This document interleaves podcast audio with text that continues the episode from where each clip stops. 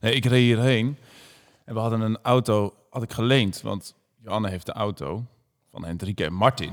Met grote dank aan Hendrike en Martin ben ik hier gekomen.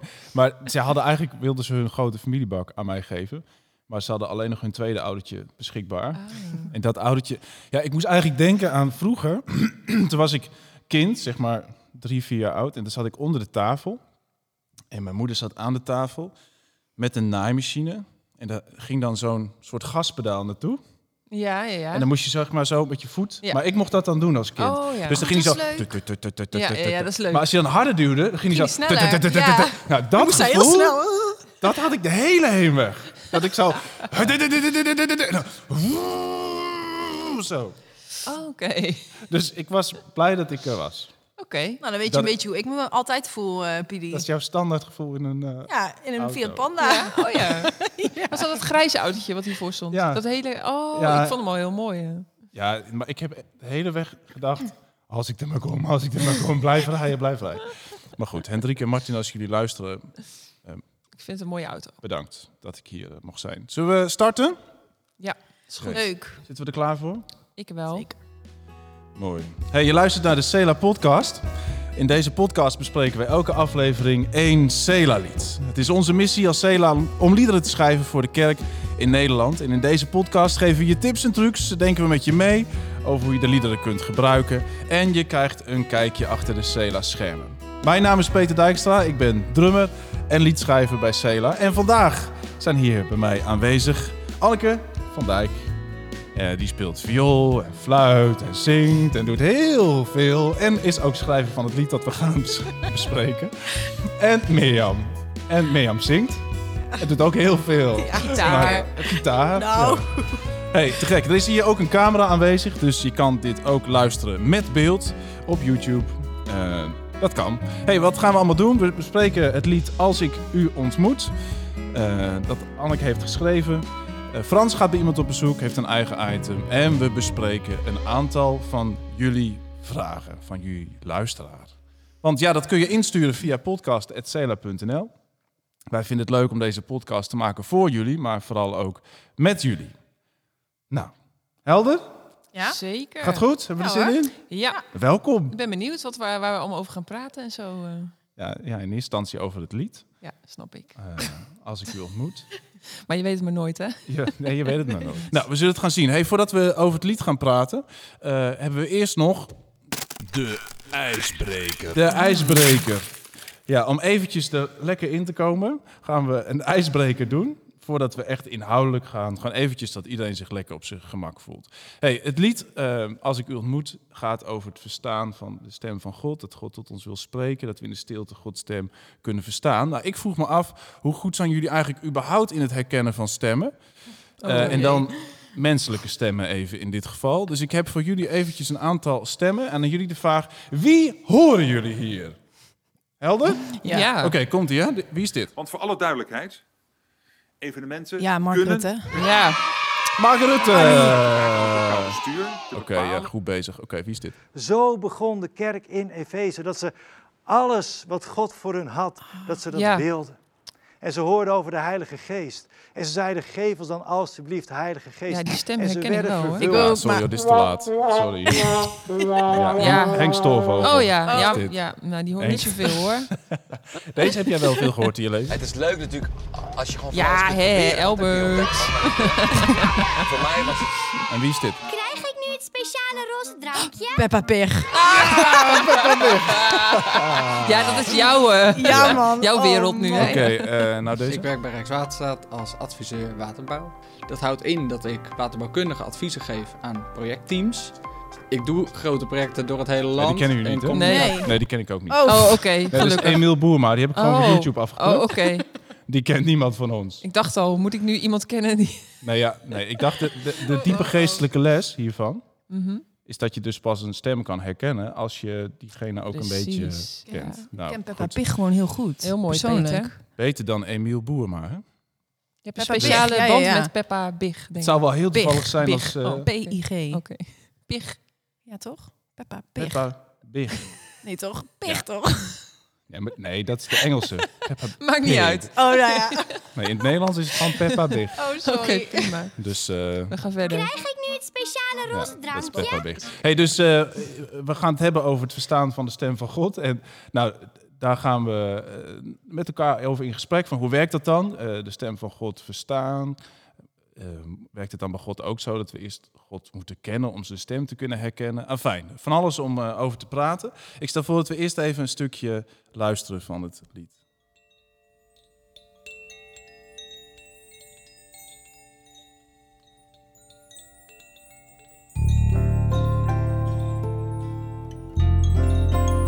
Als ik u ontmoet, mijn God, in de zachte stilte. U bent hier, dat is genoeg. U bent genoeg.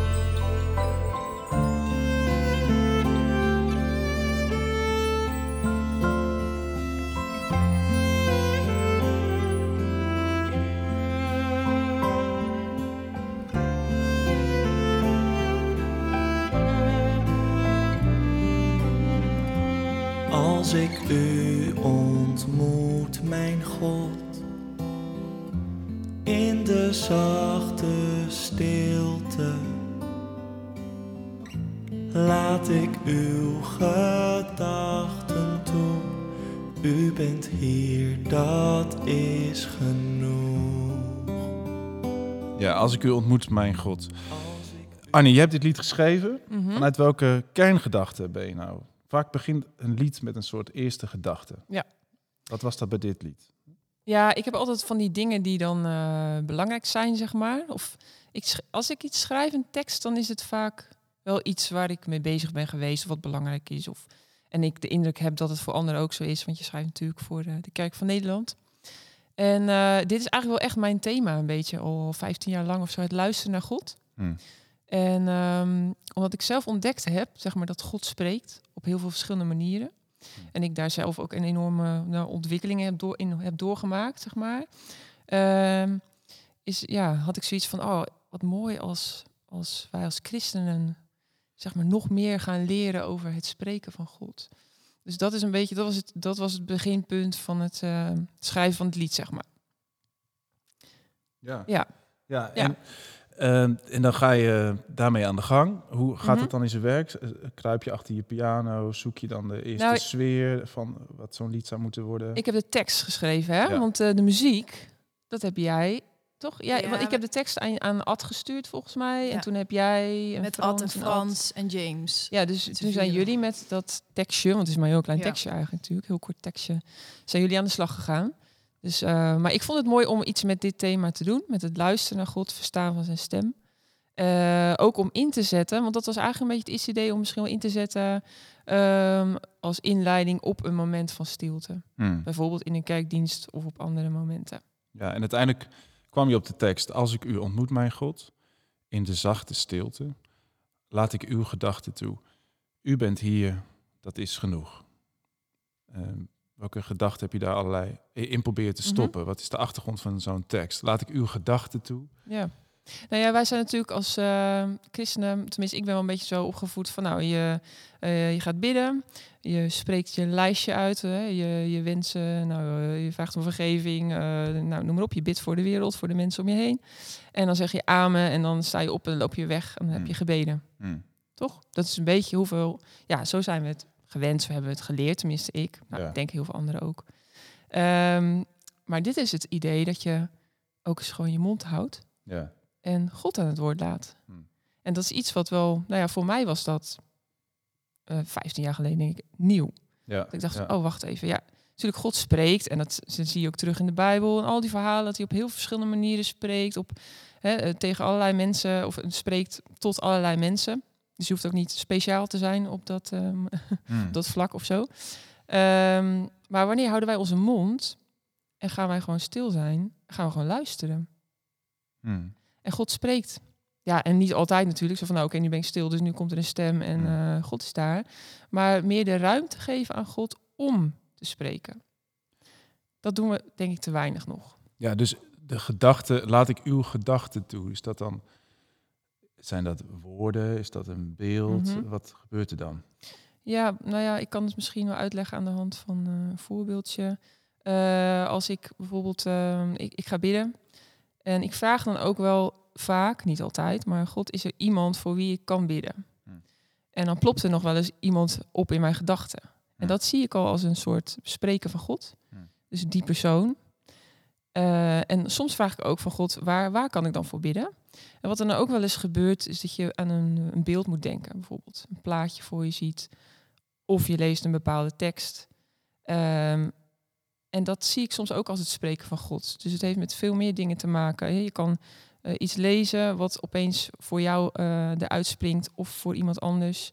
Eh, je kan denken aan een plaatje, aan een beeld, ehm, wat voor jou belangrijk is, maar het kan ook voor iemand anders zijn. Hmm. Maar hoe maak je dan onderscheid mm, tussen je eigen gedachten en de gedachten van God? Want wat nou als je Ja. zelf, zeg maar, zo'n persoon... Ja. ja. Dat het gewoon je eigen gedachten zijn, dat je Mhm. voor diegene mag of moet gaan bidden. Ja, dat is natuurlijk altijd lastig, hè? Dat is altijd, blijft altijd een spanningsveld, want 100% zeker weet je het nooit. Maar het is altijd een mengeling, denk ik, van, eh, van je eigen gedachten en die van God. Ik denk dat dat als je dicht bij God leeft, dat dat een beetje door elkaar heen loopt en dat God dat gebruikt. Want eh, als jij bijvoorbeeld een plaatjesmens bent, eh, iemand die heel erg in beelden denkt, dan gebruikt God dat. Daar ben ik van overtuigd. Ja, ja, ja. Dus dan spreekt hij door, door dat soort dingen heen. De dingen die bij jou passen, hoe jij in elkaar zit. De tekst gaat verder. Fluister tot mijn hart. Leer mij uw stille stem verstaan. Heer, ik wacht op u. Raak mij aan. Is er voor jou meer iets in dat lied? Je zegt, oh, dat, dat sprak mij toen ook wel. Ja, ja, heel erg. Dat, dat stukje eh, leer mij uw stille stem verstaan. Ja, dat is echt een heel diep verlangen van mij. Dat ik, ik wil Gods stem verstaan, want ik wil hem volgen. Ik wil hem gehoorzamen. Maar dan moet ik wel zijn stem kunnen verstaan. Dus dan, en dan moet ik leren. En eh, dat is iets wat ik heel graag wil. Ehm, dus ik, ik ben daar heel erg naar op zoek. Van wat, wat is dan zijn stem? En, en wat is mijn stem? En, en wat is. Ja, en, en hoe maak je daar onderscheid? Ja, en ik eh, denk dat heel veel mensen dat hebben. Ook veel mensen die luisteren. Het denken, ja, oké, ik ben soms wel stil, maar dan gebeurt er bijvoorbeeld niet zoveel. Of ik Ja. lees in de Bijbel en het, het spreekt me helemaal niet aan. Of ik kan er gewoon even niks mee. Mhm. Of, eh, of mijn gedachten dwalen af in de, Ja. En eh, dat soms stilte heel vredig en rustig kan zijn, maar soms ook mega confronterend. Bijvoorbeeld. Dat kan best wel een zoektocht zijn van hoe gaan we daar Ja. nou goed vorm aan geven. Ja. Ik had hier nog een quote van Henry Nouwen, die zegt: We begraven onze pijn en ons verdriet alsof ze niet werkelijk bestaan. En we zijn zo gewend geraakt aan deze verdovingstoestand dat we in paniek raken als er niemand of niets meer is om ons te vermaken.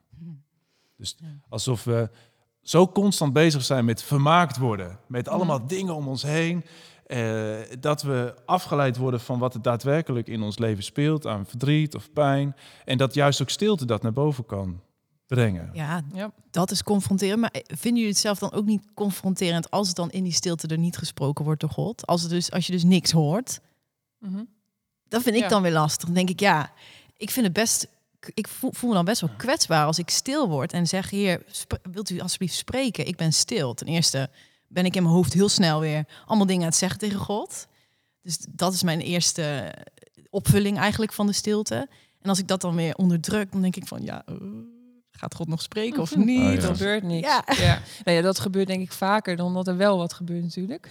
Ja, dus het is, het is Ja. echt een plek van kwetsbaarheid, ook Ja. de stilte, vind ik. Maar ook inderdaad wat je zegt, uh, van, van ehm, ja, pijnlijke dingen misschien. Of... Nou, dat ik wel merk dat, eh, dat, dat is ook vanuit de theologie zo, dat openbaring vaak gepaard gaat met verborgenheid. Dat God iets laat zien van zichzelf, eh, door de Bijbel heen, door prediking heen, door liederen heen, door elkaar heen.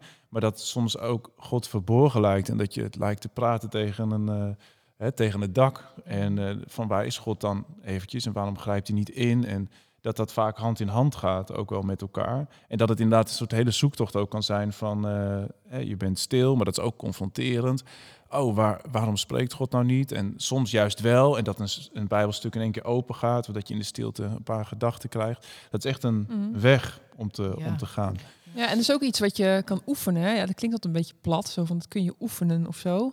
Maar ja, als je nooit stil bent, Ja. ja, en dan is het ook logisch als, als je dat op een moment wel gaat doen of daarvoor kiest, dat er dan ook allemaal een gedoe boven komt of dingen die je het liefst eh, nou, altijd maar weg eh, stopt. Ja, En dus het is ook een, een proces, zoals je dat zo mooi noemt, denk ik. Mm. Dat je en ook gaat accepteren dat God ook niet altijd spreekt.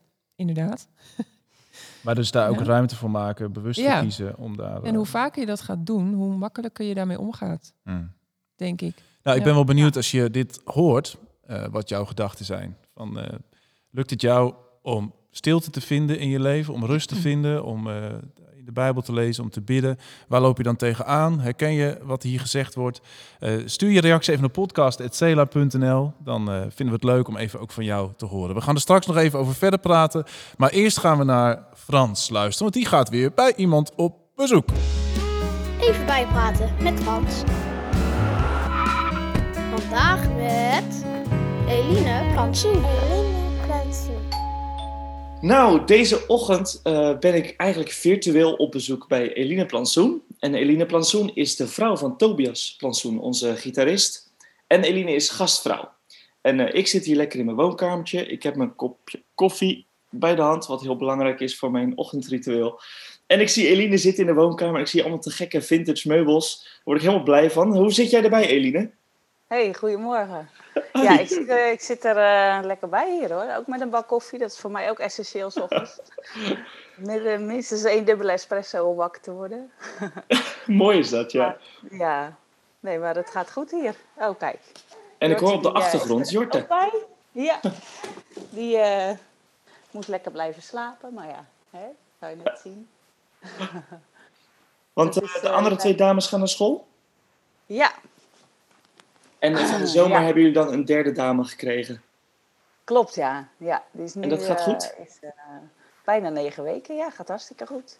Ja, Mooi. ze groeit en ze slaapt en eh, ze gaat al lachen. Vindt Tobias ook heel leuk dat hij wat meer contact krijgt met haar. Ja, Ja. dat is heel leuk. Ja, Oh, prachtig. ja. En, deze tijd als gastvrouw van Cela, want je bent gastvrouw voor Cela, maar dat doe je al jaren.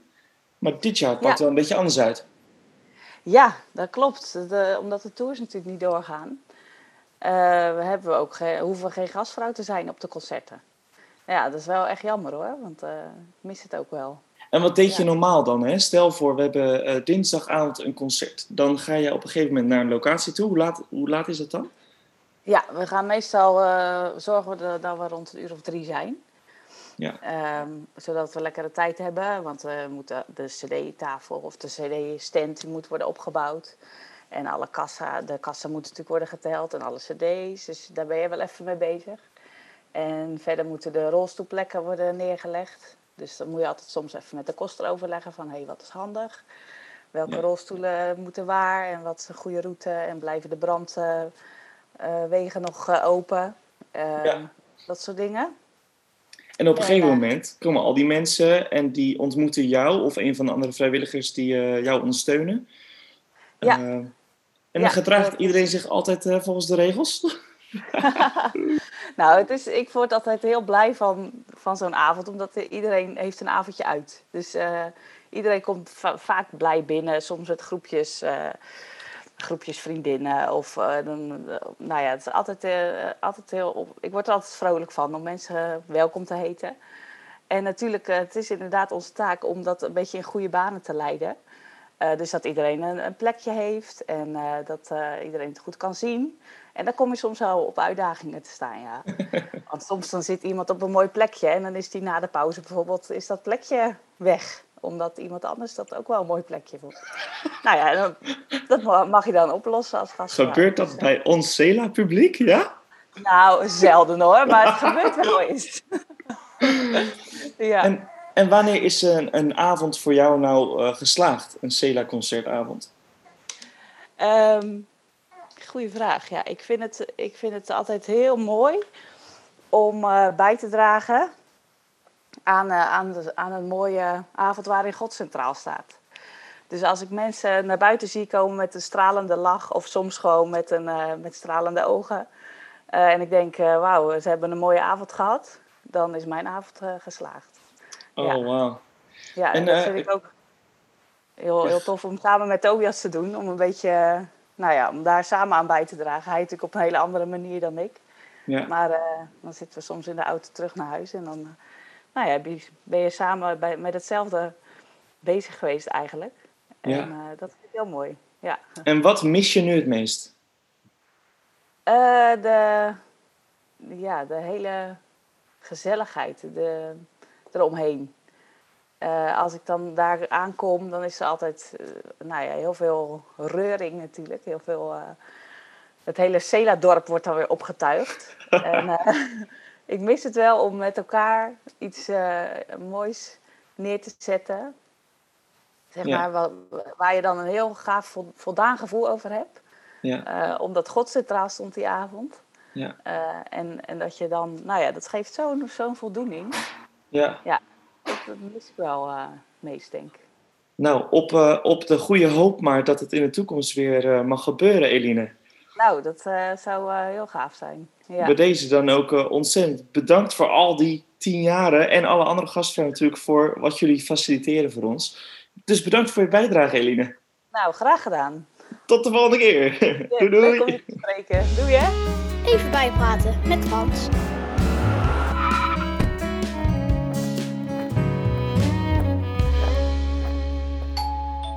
Ja, we zijn weer terug hier in Nijbroek. Goed. Nee, ik dacht Nij, Nijbroek. Ja, in het kerkje van Nijbroek. En we hebben het vandaag over het lied Als ik u ontmoet met Mirjam en Annie. En met jou als luisteraar. We vinden het leuk om van jou ook je vragen en opmerkingen te horen. Die kun je nog steeds sturen naar podcast.cela.nl. We hebben het net gehad over stilte, over het leren luisteren naar de stem van God. En wat voor zoektocht dat ook kan zijn soms om Gods stem te verstaan. En dat het soms ook gewoon stil is.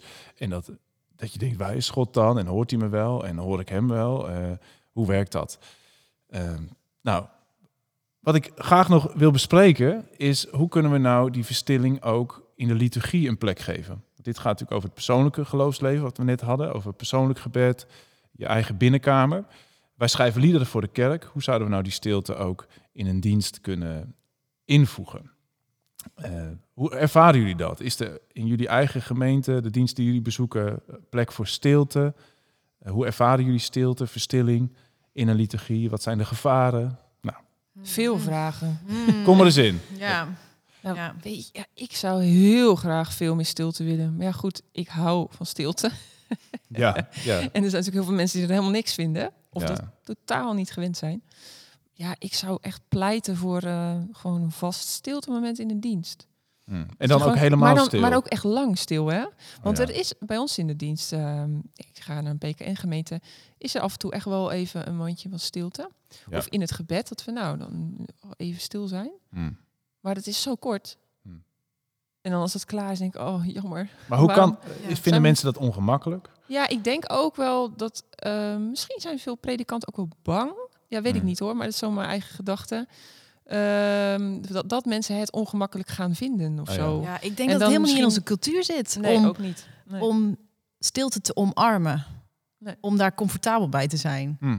Ik denk dat we in eerste instantie oncomfortabel zijn bij stilte. Ook als je in gesprek bent met een ander. Ik bedoel, dan merk je het al, toch? Als er een stilte valt, als die te lang is, dan denk je... Ja. "Oeh." Ja, dan Ja. wil je hem weer opvullen. Precies. En waarom? Ja. Ik ken iemand die als het even stil wordt in de gesprekken... Maar... ehm, Oh ja. ehm, en dan pas gaat nadenken over wat hij eigenlijk wil gaan zeggen. Ja. Het gewoon stil Ja, en bij de ene kan er een langere stilte zijn dan bij de andere. Dus het verschilt ook nog per persoon. Ja. Maar iedereen heeft dus een eigen, eh, een eigen mate van comfort bij, bij een bepaalde duur van stilte of zo. En ja. In principe is dat volgens mij bij, bij ons als Nederlanders, ik denk in veel culturen, maar best wel kort. Het Zit er gewoon niet in. We moeten gewoon opgevoed worden in stilte, denk ik. Nou, er wordt in de liturgie natuurlijk veel Goeie, gesproken. Ja, we moeten opgevoed worden. Nou, als Gewoon mijn stil. kinderen maar eens wat meer ja, stil precies. zouden zijn. Laten we daar beginnen. Ja, nee, dus in onze liturgie wordt natuurlijk veel gesproken, veel gezongen, is veel geluid. Maar die verstilling is soms inderdaad wel, dat herken ik wel, wel soms ingewikkeld. En er hoeft soms niet eens zozeer echt stilte, dat het helemaal stil is, maar dat er gewoon even wat minder gebeurt, dat er rust komt in de muziek, dat er eh, Ja. rust en focus en verstilling komt. Nou, je, je hebt natuurlijk wel, eh, stilte kan natuurlijk in allerlei gedaantes voorkomen in onze liturgie. Je hebt natuurlijk wel eens dat een muziekteam, of dat een, een lied is afgelopen en dat dan eh, bijvoorbeeld de pianist even zo rommelt onder zijn piano. Zo. Mhm. Dat zien alleen mensen die op YouTube eh, meekijken. Hè? Dus een pianist pakt even zijn nieuwe boek. En die kijkt even op zijn setlistje. Oh ja, wacht even, 388. En die begint te bladeren. Ondertussen zit de zangeres zo te kijken van... Ja, maar zo van die hoofdknikjes Mhm. zo. zo. Snel, van, snel, ja. Van, zet nou in, jij moet... eh, ja, en soms zijn stiltes ook gewoon ongemakkelijk. Het is een Ja. beetje awkward. Zo van, eh, kom, kom nou. En dan, Ja. zit, eh, nou ja, en dan haalt de flow ook snel Ja. een beetje uit, de uit de liturgie. Ehm, Ja, maar omdat we het niet gewend zijn. Ja, en het is een soort rommelige stilte dat ook, hè? Want dan zit je naar die mensen te kijken die een boekje... Ja, maar je kan toch ook iets nummertje anders doen? opzoeken in een boekje. Je kan en- toch ook nadenken over wat je net gezongen hebt. Of, of nadenken over, over wat de predikant net heeft gezegd. Of wat dan ook. Ik bedoel, wij zijn dus Ja. geneigd om dan te gaan focussen op dat wat er gebeurt op het podium. ja, ja. Ja. Maar waarom? Ja, inderdaad. Ja. Omdat we waarschijnlijk niet gewend zijn aan die stilte. En gewoon... Jij, jij zou die lat wel wat hoger willen leggen voor de mensen in de zaal. Van joh, je hoeft je niet zo snel ongemakkelijk Ja. eh, te Ja, precies. chill. Misschien en voel je ongemakkelijk doordat anderen zich ongemakkelijk Ja. voelen. Dat, dat is het dan misschien Waarom kunnen we niet gewoon stil zijn? Ja, En ja. gewoon staan. En dan duurt het maar eventjes. Maar er zit wel een verschil tussen zo'n stilte van we wachten op de pianist. En er is op een gegeven moment een soort rust eh, en een focus. En iedereen, er is een duidelijke kader. Ja, ik denk zeker, dat je toch voelt waar, van, hey, we willen nu als muziekteam, eh, willen we graag nu het lied inzetten, maar er is iets wat het verhindert. Dus dat Ja, geeft dat- een soort ja, spanning. ja. En juist, je hebt ook een stilte waar helemaal niet die spanning is, waar juist rust is en waar, eh, waar focus is. Eh, we hebben als Cela een paar liederen waar ook stilte in voorkomt. Bijvoorbeeld, dit is een wat ouder lied.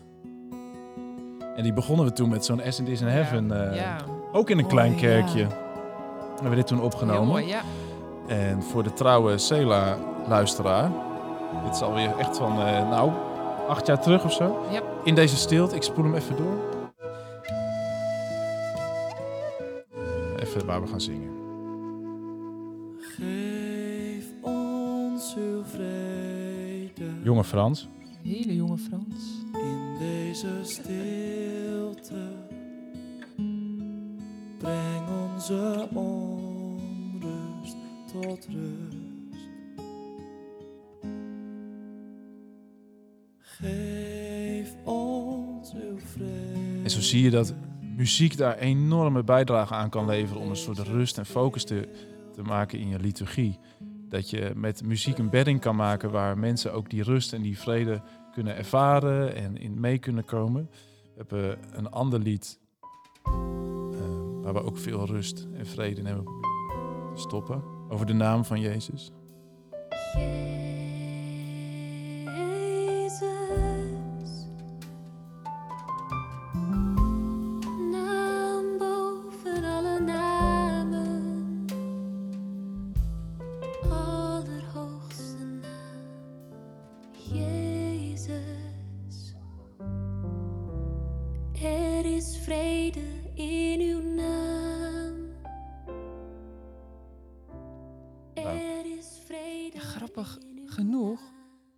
zijn dit soort liederen, dat merken wij ook altijd weer, hè?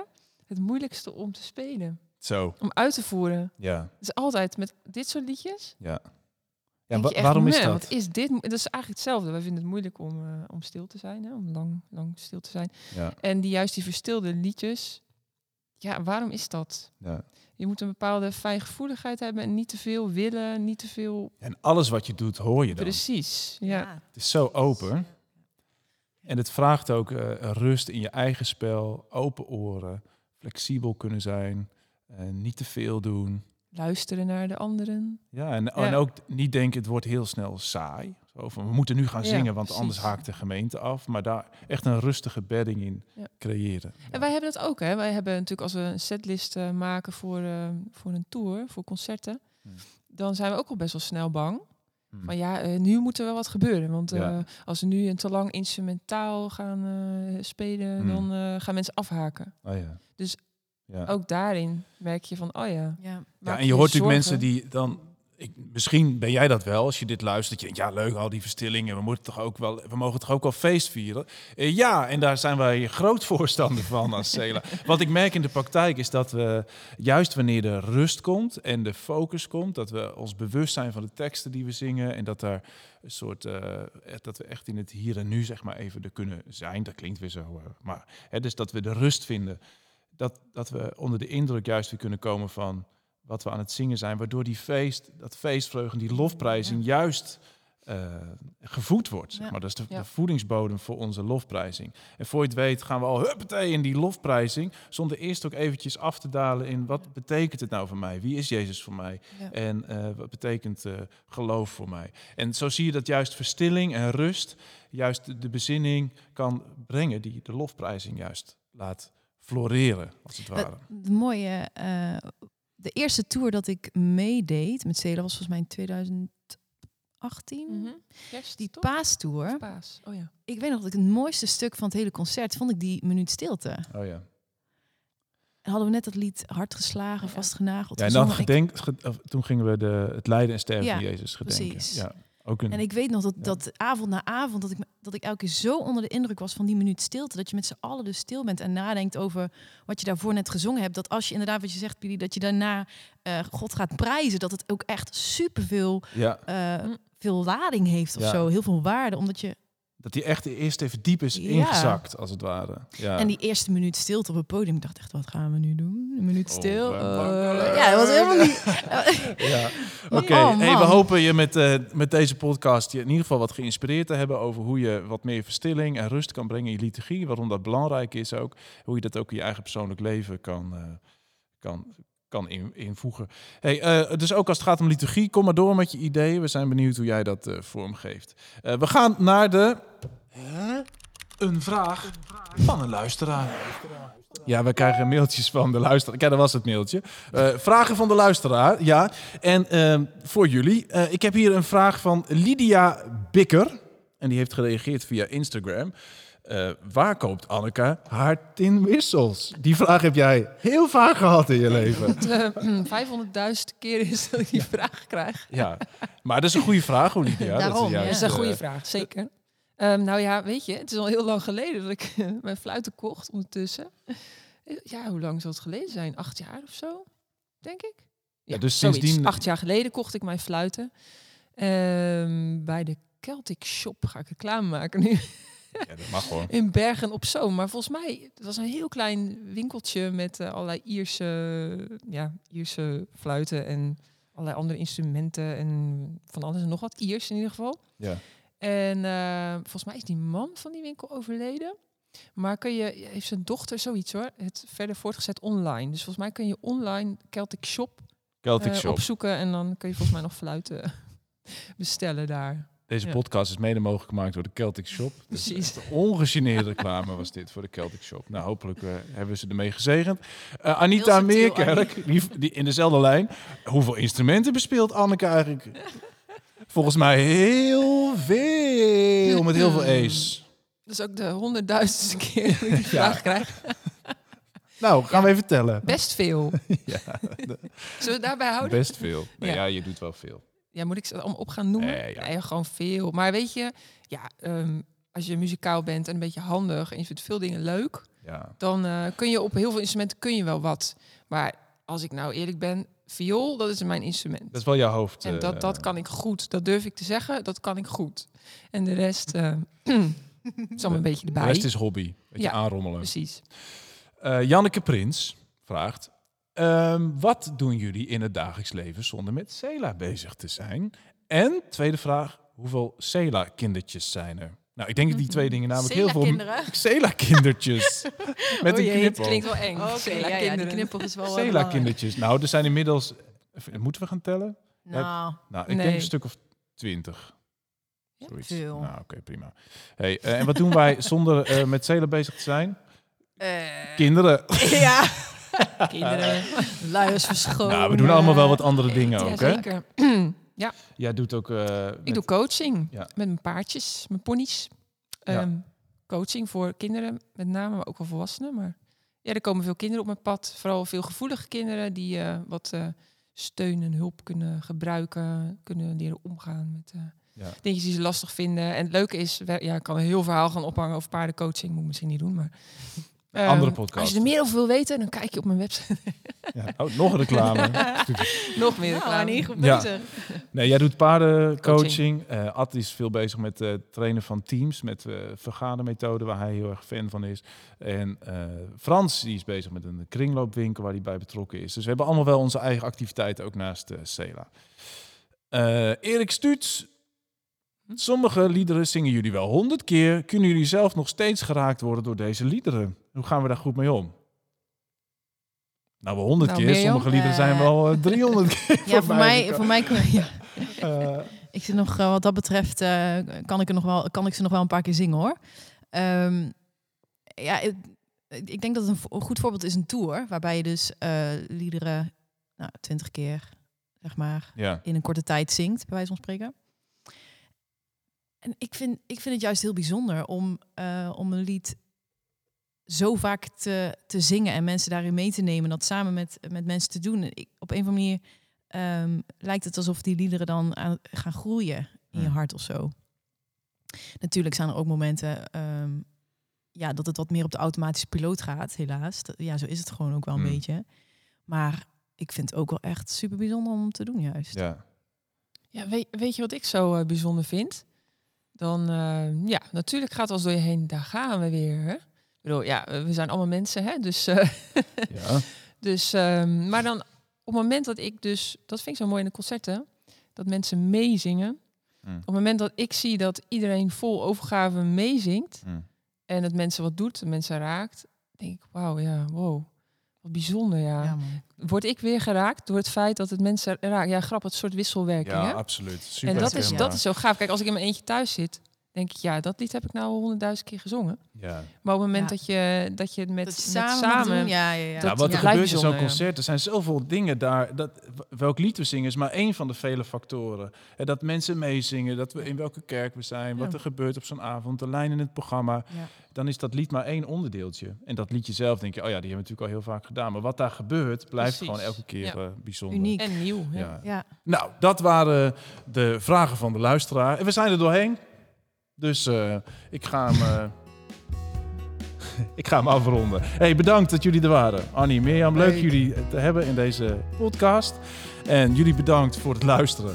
Eh, je kan je abonneren op deze podcast. Als je nou nog over andere liederen ook een podcast wil luisteren, dan hoef je geen enkele te missen als je je abonneert. Je kan ook een review geven op deze podcast. Vinden wij erg leuk om te horen. Je kan ons ook volgen, alle activiteiten van Cela via andere kanalen, via YouTube, Facebook enzovoort. En nog een laatste keer ons mailadres podcast.cela.nl voor al je vragen, opmerkingen, klachten, bemoedigingen voor, eh, voor Annie. Ja. Mirjam. En voor Mirjam. Volgende aflevering weer een nieuw lied, nieuwe tafelgasten, een nieuw item van Frans. En hopelijk weer met jou als luisteraar. Doei!